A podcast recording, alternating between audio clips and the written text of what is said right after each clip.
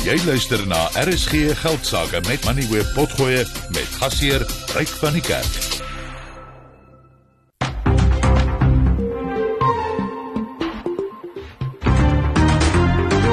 Jy luister na RSG Geldsaake met Ryk van die Kerk, jou betroubare bron vir sake en beleggingsinsigte. Goeienaand en hartlik welkom by die program. Ons gaan inderdaad vanaand in diepte kyk na die nasionale begroting. Nou dit is 'n baie belangrike begroting want Suid-Afrika se finansiële posisie hierdie afgelope dekade stelselmatig verswak en daar is ook geweldige druk op belastingbetalers. Daar's nie werklik enige groot verrassings aangekondig nie en ek dink dit is 'n goeie ding want uh daar was maar baie min positiewe verrassings die afgelope klompe jare. Maar van die vernaamste aankondigings was dat die regering oor die volgende 3 jaar 150 miljard rand van die huidige 700 uh, 507 miljard rand uit die Reserwebank se goud en valuta reserve rekening gaan onttrek. Nou dit is 'n uh, dis 'n rekening waar die valuta winste wat die Reserwebank maak ingaan en dis nou al 'n hele klompe jare wat uh, soos die rand verswak het, het daar meer geld in hierdie rekening versamel so 500 uh, so 507 miljard rand is nou daarin en die regering wil 150 daarvan trek om skuld te verminder en uh, Ja, daar's voor- en nadele daarin betrokke. Ons gaan net nou 'n bietjie meer in diepte daaroor gesels. Dan gaan ons skuldklas in is sal so wat 5,5 trilljoen rand wees uh, kom April en dit is so wat 74% van BBP. Dan die skuld maak ons dood. R1 uit elke R5 of uh, 20% van die totale belastinginkomste wat Suid-Afrika kry word aan rente op staatsskuld betaal. Dit is onvolhoubaar en dis ook een van die redes hoekom daardie 150 miljard rand onttrek word. Dan slegte nuus vir belastingbetalers, die belastingskale vir inflasie is nie aangepas nie. En dit beteken basies dat mense meer persoonlike inkomste belasting gaan betaal. So die koers is nie opgestoot nie, maar die feit dat die skaale nie aangepas is nie, gaan meebring dat uh, daar meer um, inkomste belasting betaalbaar is. Nog interessante aankondiging is dat groot multinasjonale maatskappye nou 'n 15% belasting in Suid-Afrika gaan moet betaal as hulle selfs as hulle winste maak buite Suid-Afrika. Dis nou natuurlik gemik op groot maatskappye in Suid-Afrika wat in die buiteland sake doen. Dan net 1,4 miljard rand is vir die nasionale gesondheidsversekering begroot. Nou dit is maar net basies vir administratiewe kostes, maar daar's geen beplanning of aanduiding wat die finansiering op die langtermyn gaan beloop nie. En uh, ek het 'n hele paneel vanaand. Ek gaan met Johan Gous gesels, hy is hoof van adviesdienste by Sasfin Wealth, Dr Elna Moelman, sy is ekonom by Standard Bank. Ek gaan ook met Edward Kieswetter van die uh, inkomste diens gesels, ook met Pieter Faber van Saika oor die belastingimplikasies en dan ook professor Janie Resou van Witse Sake Skool. Maar kom ons kyk eers wat het vandag op die markte gebeur en uh, die insetsel word geborg deur Finbond Groep Beperk. Kontak hulle op 0860442211 Finbond Groep Beperk. Henko Kreer sit reg. Henko was 'n baie snaakse dag op die mark. Ek weet nie of mense alles voor die deur van die begroting kan lê nie. Ja, Ryk, hallo aan jou en Johan en goeie naand aan elke luisteraar. Ja, dit was 'n vreemde dag en die markte was meeste van die dag plaaslike markte altans in die rooi, maar toe hier ter 11ter uur met sluitingstyd net net in die groen gesluit. Maar kom ons kyk gou eers na wat in Amerika aangaan. Daar sien ons dat die Dow Jones en die S&P 500 nou elkeen 0,3% terugsak. Die Nasdaq is nou 0,6% af. Europese beurse het gemeng gesluit. Die FTSE 100 in Londen het vandag 0,8% verloor, maar die Duitse DAX en die Franse CAC 40 het elkeen 0,2% gewen. En toe hier by ons het die JSE vandag 0,1% hoër gesluit op 73030 punte. Die nywerheidsindeks en die finansiële indeks beide van hulle 0,8% stewiger, maar die hulpbron indeks het 'n bietjie pak slaag gekry en vandag 1,6% laer gesluit nadat dit vroeër vandag tussen 2 tot 2% tussen 2 en 2.5% laer verhandel het, maar op die ouene toe nou net 1.6% swakker gesluit het. Naspers het 'n relatiewe goeie dag gehad en het vandag 2% hoër gesluit, gevolg deur Prosus wat 1.5% gewen het en Standard Bank het 1% stewiger gesluit, maar British American Tobacco, BHP en Glencore het elkeen met 1% teruggesak en die mynbeaandele het vandag gebloei. Amplats het 6.5% laer gesluit.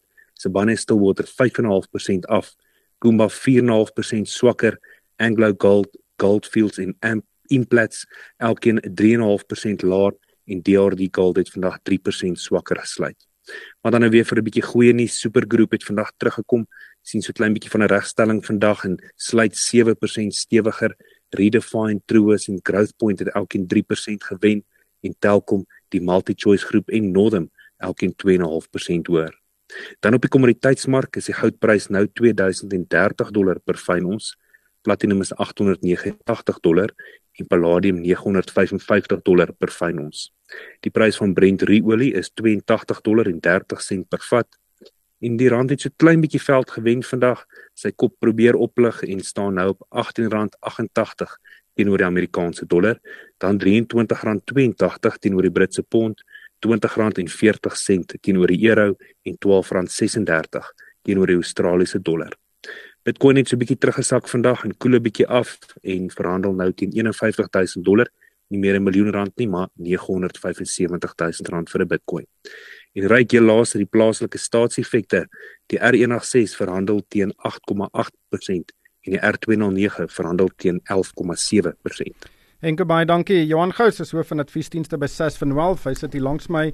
Johan, ek weet nie of mens te veel kan inlees in die aandelemark as 'n reaksie op die begroting nie, maar mens kan duidelik sien die rand het net na uh, 1 uur nou 1 uur begin die nuus van wat gesê gaan word word dan basies uh, beskikbaar as jy ehm um, nou 'n paar mense ken want die media word toegesluit en net na 1 uur kan hulle nou al begin stories stuur vir hulle publikasies wat hulle dan presies 2 uur moet publiseer. So die inligting kom dan uit en die rand het baie merkbaar op die grafiek dan verstewig en en staatseffekkoerse ook. Uh, is dit is dit 'n reaksie op die begroting? Goeienaand Ryk, net om te begin by die JSE. Ek dink nie regtig so nie. Wel die mark was teen 1400 uur toe die minister van finansies begin praat op dieselfde vlak as waar hy die dag begin het en toe hierso teen 20 oor 4 nog was hy 0.4% af. So hy het redelik afgekom in daai tyd maar ek dink dit het iets te doen met die Amerikaanse markte wat dalk negatief oopgemaak het. En toe soos Senko ook gesê het in daai laaste 40 minute toe gaan ons sommer van 0.04 uh, of 0.4% af na 0.1% op. Die die rand se versterking was du definitief duidelik. Teen half 3 uh, of half 2 Vanmiddag was hy op R18.92 en toe so 25 minute in die toespraak en toe sy op R18.77 en soos jy genoem het, dit het definitief ook 'n positiewe impak op die effekte mark. Die effekte mark het definitief gehou van daai begroting. Ja, dit is uh ek dink nie meer markte reageer so baie op die begroting as wat dit 'n hele paar jaar gelede gedoen het nie en daar was ook nou nie sulke groot aankondigings nie. Uh is daar iets wat vir jou uitgestaan het wat dalk hierdie positiewe reaksie en aanhalingstekens meegebring het? Ryk ek het vanoggend vir myself 'n formulietjie neergeskryf en dit het iets gegaan soos verkiesingsjaar plus 'n regering met geen geld is gelyk aan en die antwoord wat ek gekry het geen verrassings in die begroting en dis presies wat ons basies gekry het. Ja, geen verrassings is goed want gewoonlik is die verrassings maar negatief. Die insetsel is geborg deur Finbond Groep Beperk. Kontak hulle op 0860442211 Finbond Groep Beperk. Finbond Groep Beperk bied 'n gewaarborgde opbrengs op vaste termynbeleggings. Verdien 11% nominale rente per jaar op 'n 5-jaar termynbelegging van 1 miljoen rand of meer. Geen inisiasie of administrasie fooie word gehef nie en rente kan uitbetaal of gekapitaliseer word. Belastingvoordeel is gekoppel aan ouderdom. SMS RSG na 30635 of e-pos deposito by finbond.co.za. Finbond Groep Beperk, jou bondgenoot deur dik en dun. Vir die belangrikste sake nuus skakel in op RSG Geldsaake. Dr Elna Moelman is nou op die lyn. Sy's uh, 'n ekonom by Standard Bank. Um, Elna, baie welkom by die program. Eerstens, wat is jou algemene indrukke van die begroting? Wys jou duime op, sywaarts of af?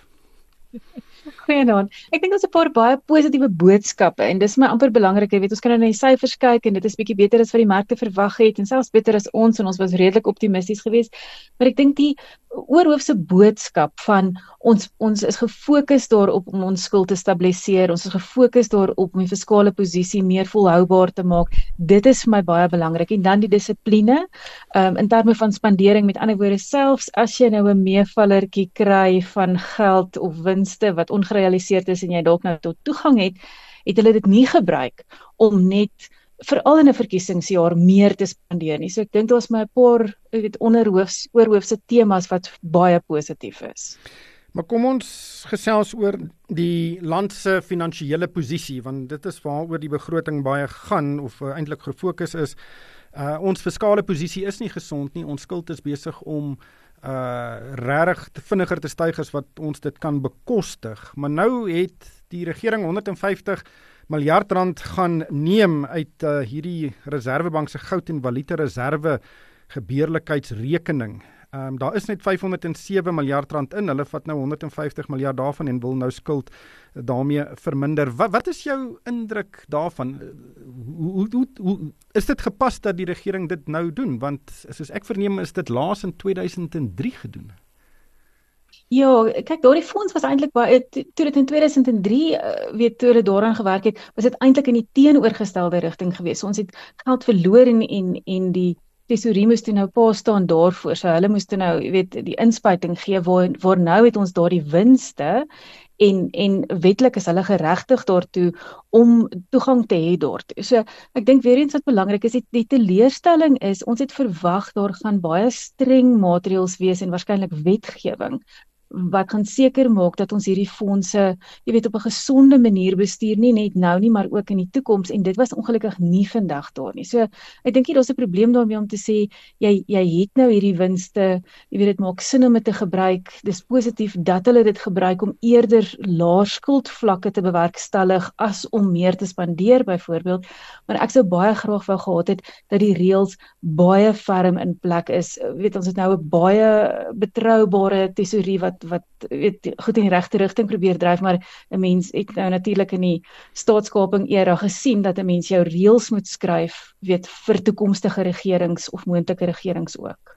Ja, die 150 miljard rand is 30% van daardie reserve. Onthou, dis nie in kontant, is nie kontant wat in 'n bankrekening lê nie. Dit is uh basies uh, die buitelandse valuta die die goud en en dollars wat Suid-Afrika besit en 'n paar ander buitelandse bates ook wat in randterme meer werd word as die rand sou verswak. En die rand het verswak die afgelope dekade. So daai buitelandse bates moet nou verkoop word om daarbey uit te kom en natuurlik die ander kant van die muntstuk is indien die rand sou verstewig oor die volgende paar jaar dan sal daardie bedrag wat oorbly baie vinnig baie kleiner word. Ehm um, so daar is maar 'n risiko aangekoppel maar maar Elma die ek ek is bekommerd oor die uitvoerbaarheid van die begroting en ek sê jou sê hoekom want in die 2023 begroting verlede jaar sin is daar voorsien dat die begrotingstekort vir die nuwe boekjaar 3,9% sou wees wat relatief eh, 'n uh, goeie tekort is in aanhalingstekens weer eens maar ons het uitgekom op 4,9%. So dis 'n hele persentasiepunt uh wat ons meer uh, wat die tekort groter is. En so dit aan die een kant kan daar nou dinge seker skeefloop in die jaar, maar aan die ander kant is hierdie begroting wat ons nou gesien het, kan die regering daarby bly want dit is baie duidelik dat dit nie in hierdie afgelope jaar gebeur het nie. Ja, vir hierdie jaar se groot een gro van die groot probleme was natuurlik die die loonverhoging wat hoër was as verwag en ons het natuurlik druk op die ontvangste kant ook gehad het was beide daardie en ek stem saam dat as ek nou kyk na die nuwe vooruitskattinge vir beide die huidige fiskale jaar en die toekomstige fiskale jare dan is dit redelik optimisties. Ek ek wil nie sê dit is onuitvoerbaar of onmoontlik nie, maar jy weet dit is redelik aan die optimistiese kant. Met ander woorde, daar's nie daar's geen ruimte ingebou vir enigiets om verkeerd te gaan nie. Hulle moet baie sterk besparings nog steeds doen om om weer eens verlede jaar se loonverhoging teen te werk. Jy weet so daar's nog baie harde werk in daai kant wat moet gebeur. En dan aan die ontvangste kant, weet het hulle weer eens nie onrealistiese verhogings ingebou nie, maar redelike sterk is. Met ander woorde, as ons enigsins sien dat groei bietjie langer vat om te herstel of internasionale ekonomie is bietjie nog weet flou en geen nie vir ons genoegsame ondersteuning nie, dan gaan ons dan kan ons weer afwaartse aanpassings sien. So die risiko's is ongetwyfeld aan beide kante negatief. Ek dink die enigste positiewe goed wat mense kan wegvat is om te sê jy weet hulle hulle het baie dissipline aan die dag gelê. So ten self ten spyte van hierdie 150 miljard rand wat hulle nou ekstra gekry het het hulle nie gegaan en gesê wel ons laat vaar nou ons nie loonbesparings wat ons verlede jaar byvoorbeeld aangekondig het nie. En dit is baie moeilike besparings daai om te implementeer maar nog steeds voel hulle dit deur. So ek dink daar's my 'n paar baie positiewe goed wat in plek bly ehm um, wat positief is, maar die risiko's is ongetwyfeld nog steeds negatief. Elna baie dankie. Dit was Dr Elna Moelman, sy is ekonom by Standard Bank. Uh, ons gaan net nou gesels oor die belastingsaake want dit raak almal se se se se sakke en um, ek gaan ook met Edward Kieswetter gesels maar Johan uh, kom ons gesels eers gou op is daar enige groot aankondigings aan die beleggingsfront gewees uh, die een wat vir my uitgestaan het is dat die twee pot stelsel nou in September in werking tree en dit is die nuwe stelsel waar mense toegang kan kry tot hulle spaargeld of hulle pensioengeld sonder om te bedank. Ryk dit was seker maar die groot een gewees en is is altyd vir my so vreemd want hierdie twee pot is eintlik 'n drie pot stelsel amper as jy so daarna kyk want daar's die gevestigde komponente dit is alles wat jy in jou aftreefondse gespaar het tot en met 1 September so kom ons maak dit maar die laaste dag van Augustus en dan het jy van 1 September af het jy nou hierdie twee komponente die spaar en die aftree komponent wat dan sal inskop nê nee. so net om weer te sê 1/3 van jou bydraes van 1 September af sal dan in 'n spaarkomponent ingaan en 2/3 uh, in die aftreekomponent. Van die aftreekomponent mag jy nie aanraak tot die dag dat jy formeel aftree nie, terwyl jy elke jaar daardie bydraes wat in daai spaarkomponent in uh waar dit ingegaan het, kan jy dan wel onttrek met 'n minimum onttrekking van R2000 per jaar. Maar ek dink die ander groot ding wat aangekondig is net weer bevestig is, is dat op 1 uh, September gaan uh, kan jy soveel as uh 10% tot en met 'n maksimum van R30000 sal dan oorgedra word van jou gevestigde uh, komponent na jou spaarkomponent en dit kan jy onmiddellik toegang toe kry. Nou dit is baie interessant reg. Want sou dit gebeur is daar die verwagting en en, en ons aanvaar dat 'n hele klomp mense gaan be, begin trek uit daai komponent uit, dan gaan hulle belasting op betaal en kan die regering tot soveel as 5 miljard rand in 2024-25 kry as gevolg van daai belastings. Ja, so jy al die pensioengeld wat jy gespaar het voor 1 hmm. September. Ja. Dit daarvan kan jy 'n uh, maksimum kry van 10% of R30000. Ja.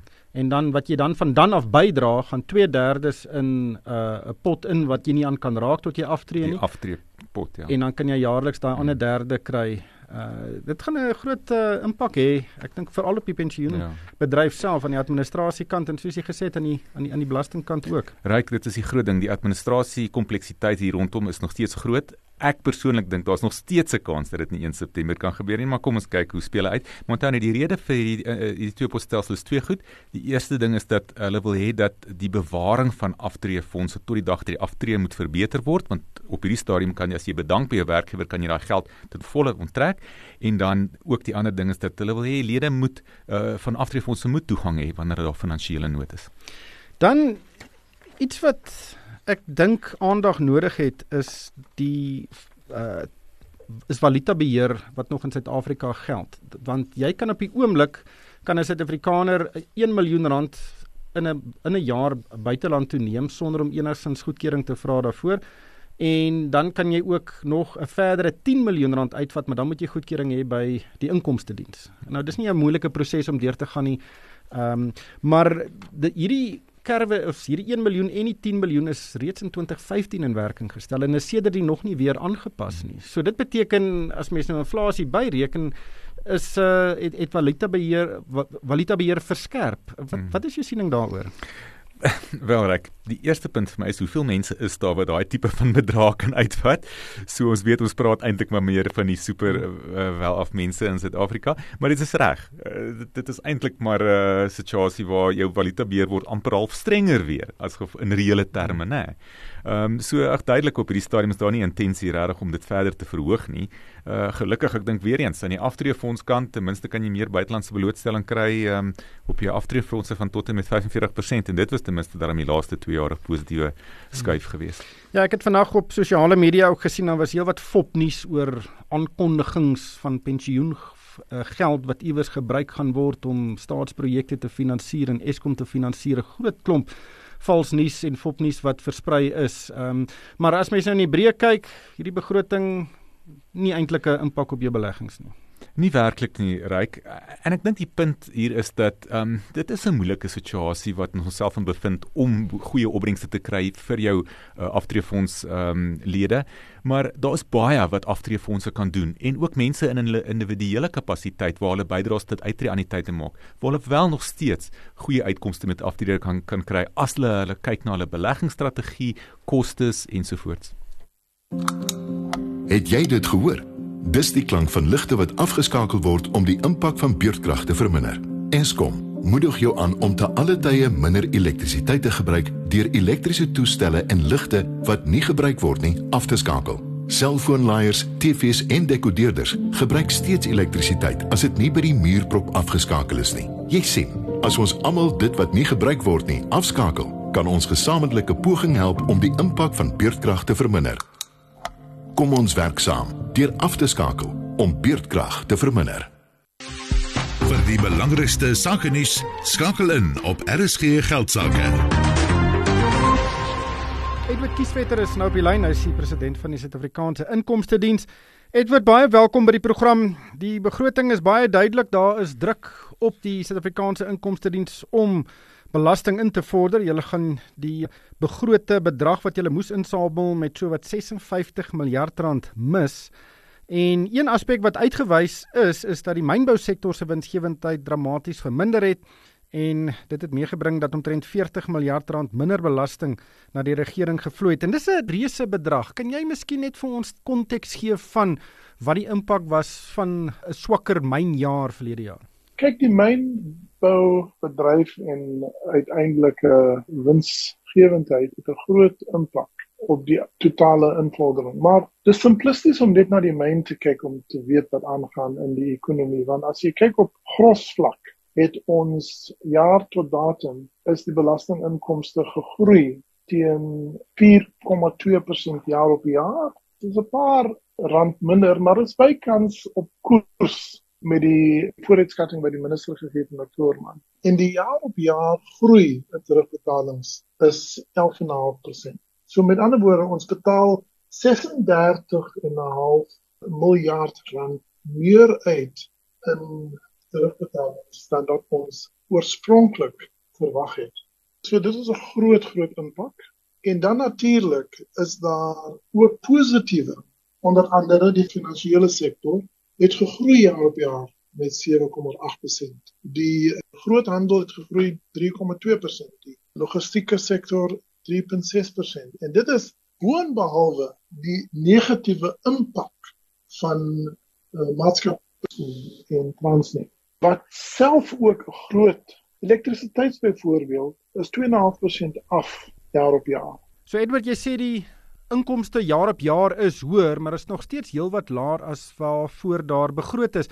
Was die begroting dalk ambisieus geweest? In 'n paar opsigte word die berekening wat die minister gee, word gebaseer op sekere aannames wat in die ekonomie gaan gebeur. En as dit nie realiseer nie, het dit 'n direkte impak op die uiteindelike groei van die ekonomie en dan uiteindelik op die invordering van belasting en gelde en douane gelde. So dis die eerste wat ons na kyk. Natuurlik wil ons die berekening of die uitdaging wat die minister vir ons daar stel wil ons bereik. Maar vir ons is dit beter om as ons ons eie prestasie wil bestuur en ontleef, dan kyk ons na die jaar op jaar groei. En wat ook 'n belangrike insig vir ons gee wat in die ekonomie aangaan is die wanbalans tussen die BTW inkomste invordering en dan die BTW uitbetalings. So byvoorbeeld alhoewel op 'n bruto vlak die belasting gegroei het met 4.2%, het die uitbetalings gegroei met 11.5%. As ons dan die insig wat ons daar verkry, na kyk dan sien ons 'n paar belangrike insiggewende faktore wat kon sê weeg wat in die ekonomie aangaan. So een waarvan byvoorbeeld is die insetkoste van besighede wat sukkel met logistieke sektor wat nie heeltemal werk nie, so hulle gebruik alternatiewe vorm van aflewering tussen die myne byvoorbeeld en die poorte dit verhoog hulle insetkoste. As hulle moet geld belê om hulle eie elektrisiteit te skep, verhoog hulle insetkoste. En ons sien 'n groot beweging wat nie 'n normale beweging is nie, sien ons in ons ekonomie dat die afname die oneffektiewe kragopwekking en transport logistieke sektor het 'n deurslaggewende impak op die insetkoste en dan sien ons 'n hoër uitbetaling. My volgende vraag is juis oor die doeltreffendheid van die inkomste diens. Kyk, toe jy aangestel is, moes jy sake daar regryk. Na die Tommejani era was daar groot skade aan die inkomste diens aangerig. Hoe doeltreffend volgens jou is die inkomste diens nou, miskien relatief tot voor die Moyane era en is daar nog ruimte vir interne verbeteringe van doeltreffendheid om miskien vanjaar se invordering van belasting te verbeter? Ons sal die eerste wees om te sê dat daar's nog groot geleenthede vir verbetering in effektiewe en doeltreffende administrasieplatform te bou. Ons is natuurlik ook ongeperk in dat as daar dat die regering moet spandeer in kerk dat SARS ook geaffekteer word. So ons kan baie vinniger en baie hoër vlak investeer in tegniese vaardighede in dataverwerking en datawetenskap en sogenaamde AI tegnologie.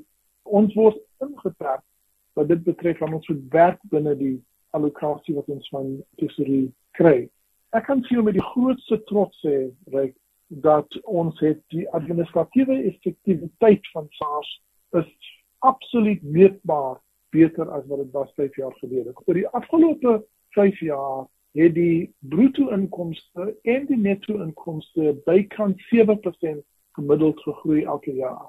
Teenoor daai selfde tydperk het die inkomste van administratiewe pogings gegroei op 'n gemiddeld van 22% in werklikheid hierdie jaar sal die bydrae wat toegevoeg word net deur die administratiewe poging gaan 26% jaar op jaar groei. In randsyfers gaan ons 210 miljard toevoeg tot die finale resultaat wat ons aan die einde van hierdie fiskale jaar gaan aankondig. Ja, dis veral daai afdeling wat kyk na die belastingsaake van groot besighede, groot maatskappye, multinasjonale maatskappye wat regtig baie seer gekry het in die vorige bedeling en weer opgebou moet word en dit gaan 'n 'n lang ruk neem. Maar gepraat van belasting op groot internasionale maatskappye, die minister het vandag aangekondig daar kom nou 'n minimumbelasting van 15% op hierdie groot multinasjonale maatskappye. Hoe gaan dit werk? Is dit byvoorbeeld Google wat in Suid-Afrika sake doen en dan word hy belas op inkomste wat dit elders gaan verdien? Kom ons begin eers by multinasjonale maatskappye wat in Suid-Afrika gevestig is. Wat ook bedrywe het buiteland. Is dit nou iets soos Coronation byvoorbeeld? So Coronation, baie van die banke, baie van die myne, hulle is plaaslik belastingbetalers, maar hulle het bedrywe elders ook. So baie van hierdie maatskappye met oordragkoste en ander strukturele veranderinge wat hulle aanbring wat teoreties toelaatbaar is, maar baie van die maatskappye is ook aggressief in hulle beplanning en bereik dan 'n uh, verbetering of 'n erosie van ons belastingbasis in Suid-Afrika sodat hulle belastings hier ontduik en byvoorbeeld belaar vlak betaal. Net hierdie jaar byvoorbeeld het ons alreeds 22 gevalle van oordragkoste misbruik gehanteer en net dit het aanslag van 33 miljoen en invorderings van bykans 1.5 miljard alreeds ingevorder. So as jy 'n plaaslike maatskappy kry, as hulle effektiewe belastingvlak in Suid-Afrika minder as 15% is, dan sien die nuwe bedeling beteken dan dat hulle in elk geval nie minder as 15% sou belas word nie. So as hulle byvoorbeeld 12% effektief is, moet hulle 3% aanvul. Omgeswaai, jy noem Google of Amazon, hulle is elders gevestig, maar hulle is ekonomies aktief hier by ons en tot op nou toe het hulle net BTW betaal. In die vervolg gaan hulle ook aangeslaan word ten opsigte van 'n persentasie van die wins wat hulle maak as gevolg van ekonomiese aktiwiteit in ons jurisdiksie. Edward, dankie vir jou tyd. Dit was Edward Kieswetter, die president van die Suid-Afrikaanse Inkomste Diens. Nou is Pieter Faber op die lyn. Hy is uh van SAICA, hy's 'n belastingspesialis. Pieter, baie welkom by die program. Daar was geen verhogings in inkomstebelasting, maatskappybelasting of BTW nie. Uh die enigste werklike uh ding wat mense se belastingaanspreeklikheid uh gaan verhoog is die feit dat inkomstebelastingkerwe of die tabelle is nie aangepas vir inflasie nie soos wat dit in die verlede gebeur het nie. Uh hoe, hoe groot is die impak daarvan op belastingbetalers? Wel ryk, dit sal afhang van waar in die belastingkerfie is, maar ek dink as jy kyk dit dat vir beide die mediese krediete en die gewone belasting so enige ehm um, verhogings of bonusse wat mense die volgende 3 jaar gaan kry gaan alles teen hoër. So ons ons kyk gewoonlik omtrent as ons praat van inflasie, is daar gewoonlik in die laer vlakke so 5 of 6% uh aanpassing, so 4.5% as jy kyk na iemand wat omtrent 'n half miljoen rand verdien, dis omtrent so bietjie meer as 'n 'n 500 rand 'n maand aanpassing. So uh, jy gaan in koopwaarde vir elke jaar tussen 5 en 600 rand so tipe persoon eintlik minder kan koop of jou belasting gaan in in perspektief bietjie meer wees met daai bedrag elke jaar. Ja, soos ek dit ook verstaan, ehm um, as jy uh as die kerwe nie aangepas word nie, maar jy te jy ontvang 'n uh, inflasieverwante verhoging, dan kan dit jou dalk in 'n hoër kerf insoet en dan betaal jy nou op daai ekstra bedrag belasting terwyl as die kerwe aangepas het, sou dit nie gebeur het nie, maar was daar enige ander wesenlike belastingaankondigings wat met individue verband hou wat vir jou uitgestaan het? Nee, ek ek dink nie, ek dink die die feit dat die krediete nie afgeskaf is nie is is 'n groot verligting. Ehm um, die brandstofheffings weer eens uh, is nie uh, vermeerder nie. Ek dink weer eens met die met die brandstofpryse wat opgaan weer volgende maand was dit ook 'n 'n verligting vir individue, maar ek dink nie daar was so baie vir individue uh in in hierdie hmm. begroting nie. Kom ons kyk gou na die sondebelasting. Mense wil altyd weet uh wat dit beloop en dit is net so ek, ek sien wynpryse 7,2% op, sigarette 4,7% op. Van 'n pakkie sigarette is dit nou R21.77 wat jy aan belasting betaal. En as jy nou van eh, van 'n spritz hou of 'n lekker bottel brandewyn soos Johan Gousie langs my, ehm um, dan is uh, is dit 6,7% hoër, so R88.50 per bottel is is belasting. Ehm um, maar dis min of meer wat ons in die, in die verlede gesien het. Dis nie asof die minister dink ek hier opportunisties was nie. Korrek. Uh, ek ek dink die hierdie heffings het ons al gesien oor die jare is gewoonlik net so 'n bietjie meer as inflasie elke jaar. Ehm um, en en dit is die die doel daarvan om mense se gebruik daarvan te verminder. Ehm um, so ek dink nie maar ek dink baie van die mense in die industrie, ek dink as ons in die parlementêre sessies volgende week gaan ons baie van die vervaardigers sien wat nie baie gelukkig daarmee gaan wees nie as gevolg van baie van die onwettige markte en goederes wat hulle tans mee sukkel. Maar weer eens soos jy sê, ek dink daai mense is nou gewoond dat dit van 'n koste oogpunt, dit was nie 'n buitensporig geweest. Ja, jy het ook nou vroeër verwys, daar's geen verhoging in die brandstofheffing nie, maar uh koolstofbelasting styg wel met uh eh, 20% en dit is basies 'n ekstra 11 sent per liter vir petrol en 14 sent per liter vir diesel en dit uh, dit sal nou later in werking tree. So ons gaan eintlik 'n stewige brandstofprysverhoging sien omdat die rand ook swakker is en die olieprys hoër. So dit kan alles dalk volgende maand nog 'n probleem wees. Of van 1 April af bedoel ek, ja. Korrek en ek weet die groot probleem is is baie mense verbrand diesel uh en, en brandstof om, om elektrisiteit en daai goed kom weer terug in die prys van goedere in. So dit is nie net goederes goedere so ja, daai koolstofheffings gaan 'n klein verskil maar is gewoonlik aansienlik minder as die aanpassings. Gewoonlik is die aanpassings vir die algemene heffings 'n uh, uh, uh, paar rand. So dit is dit is daar, maar dit is aansienlik minder as sou hy aan aan van die ander brandstofheffings ehm um, wel aan toepassings gemaak het. Ek het nou met Edward Kieswetter ook gesels oor hierdie nuwe minimumbelasting vir multinasjonale maatskappye wat uh, van Suid-Afrika afkom. Dit is 'n uh, minimumbelasting van 15% selfs op winste wat hulle nie in Suid-Afrika verdien nie. Uh en uh, daar's 'n hele paar hofsaake op die oomblik aan die gang oor oor dit. Mense noem dit oordragpryse. Uh, dis eintlik 'n tegniese rekenkundige term. Maar uh is dit 'n verrassing hierdie aankondiging? Ek dink dit is 'n aankondiging. Uh, Suid-Afrika het al opgeteken vir hierdie ehm um, uh, in laas jaar, maar ek dink die die plaaslike wetgewing moet tot, gelaaste moet nog geïmplementeer word. Ehm um, daar's ook nie baie maatskappye hierdie ge, word gewoonlik gehef by die die hoofmaatskappye in 'n groep en baie van die internasionale groepe want dit is net van toepassing op groepe as ek mooi kan onthou met hier is 750 miljoen euro. So ons praat van baie groot maatskappye. Ehm um, en, en daar's nie baie van hulle wat se hoofkantore in Suid-Afrika is nie. En en ek dink dit is ons sal moet sien hy ek dink nie iemand het reeds 'n akkurate syfer so ek, ek ons sal moet sien of die 8 miljard regtig gaan realiseer. Ja, ek dink dit in 'n groot mate kan dit dalk verbind word met Coronation. Hulle boks lekker met die ontvanger presies oor so iets oor winste wat 'n besigheid van hulle daar in Ierland gemaak het maar ons sal dit daar moet los. Ehm um, Pieter, dankie vir jou tyd. Dit was Pieter Faber. Hy is van Saika. Johan, net uh voor ons ehm um, met uh, professor Janie Resou gesels, uh hier's ook twee ander aankondigings wat interessant is. Uh, die regering wil regtig nou hê groot motorvervaardigers moet elektriese voertuie in Suid-Afrika vervaardig en hulle kan nou tot 150% van hulle beleggings wat hulle maak om hierdie voertuie hier te vervaardig oor 'n tydperk aftrek. So dis 'n groot ehm um, uh aansporing vir hulle om dit te doen is iets wat ons regtig nodig het. Ja.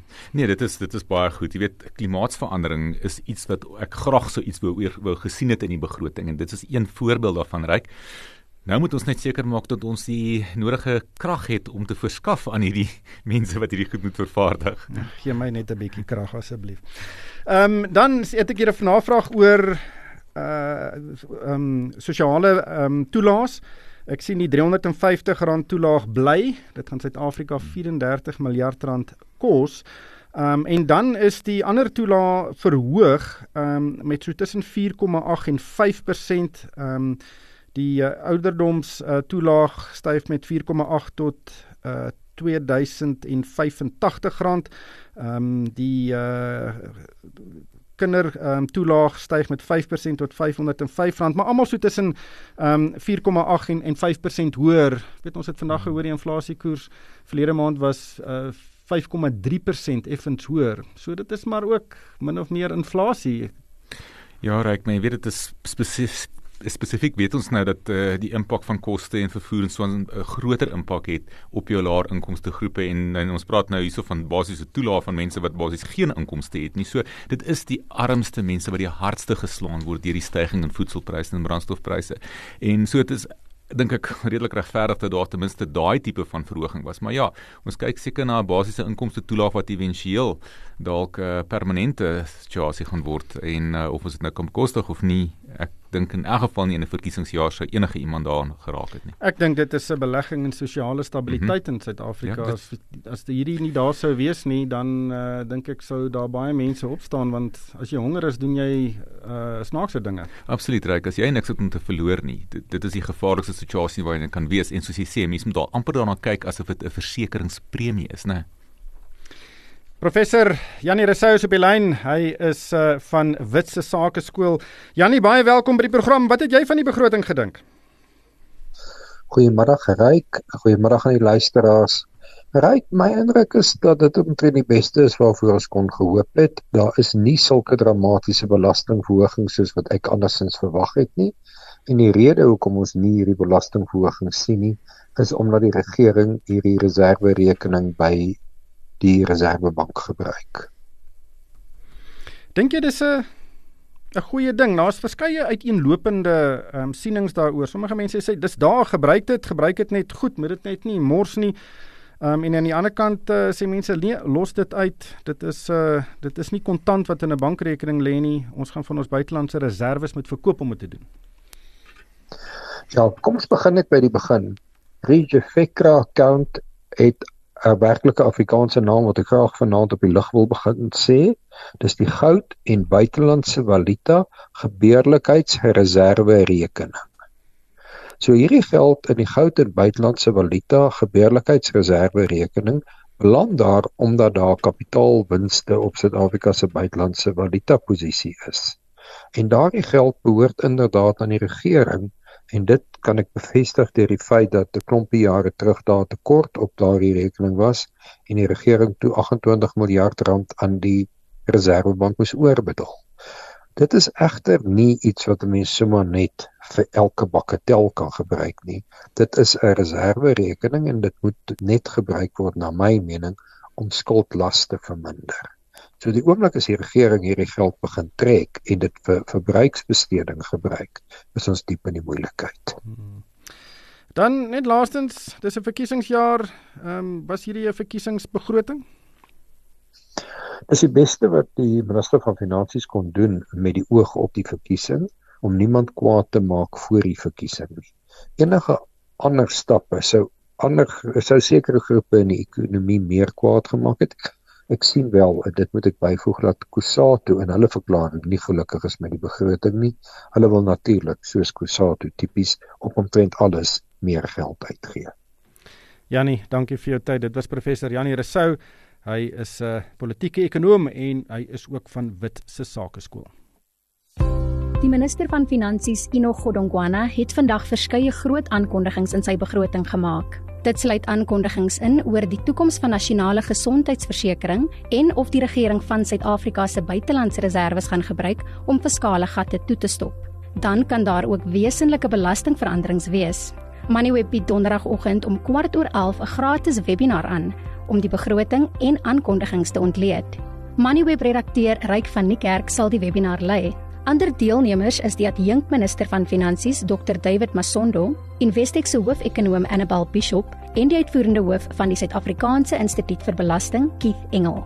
Moenie hierdie webinar misloop nie. Dis donderdag om 11:15 tot 12:00. Registreer nou by moneyweb.co.za. Daar is geen geld sake met Moneyweb. Elke week saam tussen 6 en 7. Johan, net voor ons groet, kom ons kyk gou na 'n paar maatskappy aankondigings wat vandag gemaak is. Uh, ons begin by Sibanye Stillwater. Hulle het 'n handelsverklaring uitgereik. Aandeleprys 5,4% af. Ryk, ja, dis nie 'n mooi storie nie. Hulle verwag 'n verlies vir 2023 weens uh, swakker platinumpryse en dan ook operasionele probleme wat hulle gehad het. En ehm um, dit het hulle toe nog genoop om afskrywings van sowat 47.5 miljard rand te doen. Ehm um, nou jy weet uh, as ons net gaan kyk na die ehm um, verlies wat hulle nou kyk is tussen R12.68 en R14 per aandeel en dit is teenoor 'n wins van R6.51 per aandeel 'n jaar tevore. En weet ongelukkig gaan ons dalk weer hier na afleggings kyk. Ons het gesien Anglo American Platinum wat praat van 3700 werksgeleenthede wat dalk daaronder kan lê en Sibanye praat hier van 7000 werkgeleenthede. Ja, dis dieselfde storie as Amplat en uh wat vroeër ehm um, resultate bekend gemaak het. Impala Platinum het ook 'n handelsverklaring uitgereik. Winste word gesny. Uh die laer pryse uh met 'n baie groot negatiewe impak op hulle winsgewendheid Eskom Transnet ook en natuurlik dan is dit ook die inkomste dien se probleem soos ek vroeër met Edward Kieswetter gepraat het. As jy minder geld maak, maar betaal jy minder belasting.